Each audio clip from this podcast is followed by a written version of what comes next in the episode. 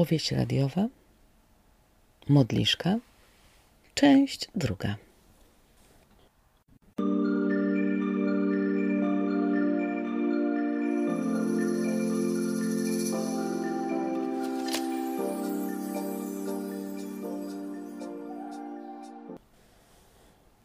Górny terminal był zatłoczony.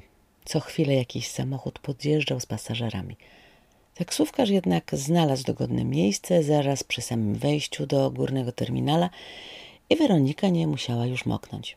Zapłaciła za kurs, dorzuciła napiwek, taki na okrągło, jak to zawsze robiła, czym wywołała na twarzy kierowcy uśmiech i zniknęła za rozsuwanymi drzwiami terminala.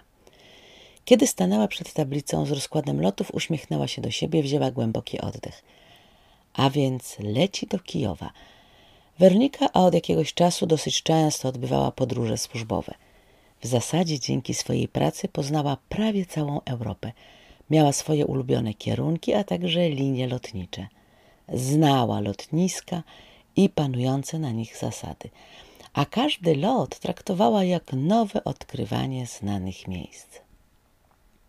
Uwielbiała duże lotniska. Nie przerażało jej to, że na nich panował nieustanny ruch, a przejście z jednego gate'u do drugiego potrafiło nawet zabrać 30 minut.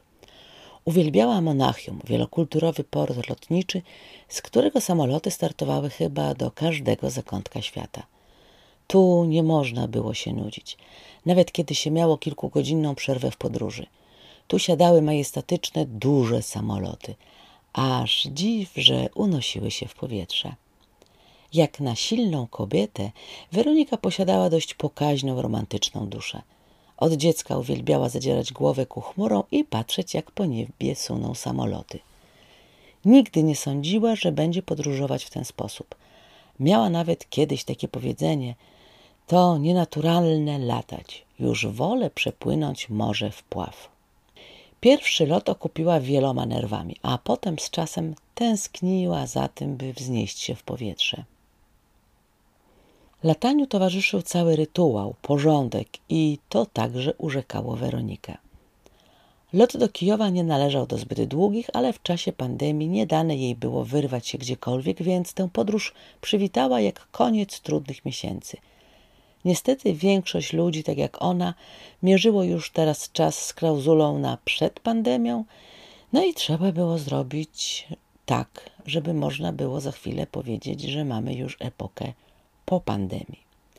Czekowanie przeszło sprawnie. Kontrola na bramkach też bez przeszkód, chociaż bała się, że mogą być problemy z przewiezieniem prezentu dla kontrahenta. Po odprawie paszportowej skierowała się do gate'u 34. Tuż pod oknem znalazła zaciszne miejsce na twardym, ale wygodnym metalowym krześle. Postawiła podręczną torbę, usiadła wygodnie i zapatrzyła się przed siebie. Duże krople deszczu uderzały o szybę, po czym zsuwały się z niej niczym koraliki ze sznurka. Weronika zawiesiła wzrok na kołującym samolocie szwajcarskich linii lotniczych i pomyślała, że za chwilkę i ona poczuje się wolna. Wzbije się w powietrze i będzie przeżywać swoje ikaryjskie ekscytacje. Na dwa dni zostawi swoje kłopoty tutaj. Po powrocie będzie musiała demonom stawić czoła, ale teraz, teraz jest tu.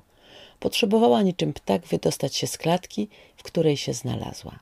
Deszcz wrześniowy dzwonił miarowo o szyby, płyta lotniska błyszczała od strug wody, a ona, Weronika, lat 39, dyrektor generalny B&B, oddychała pełną piersią.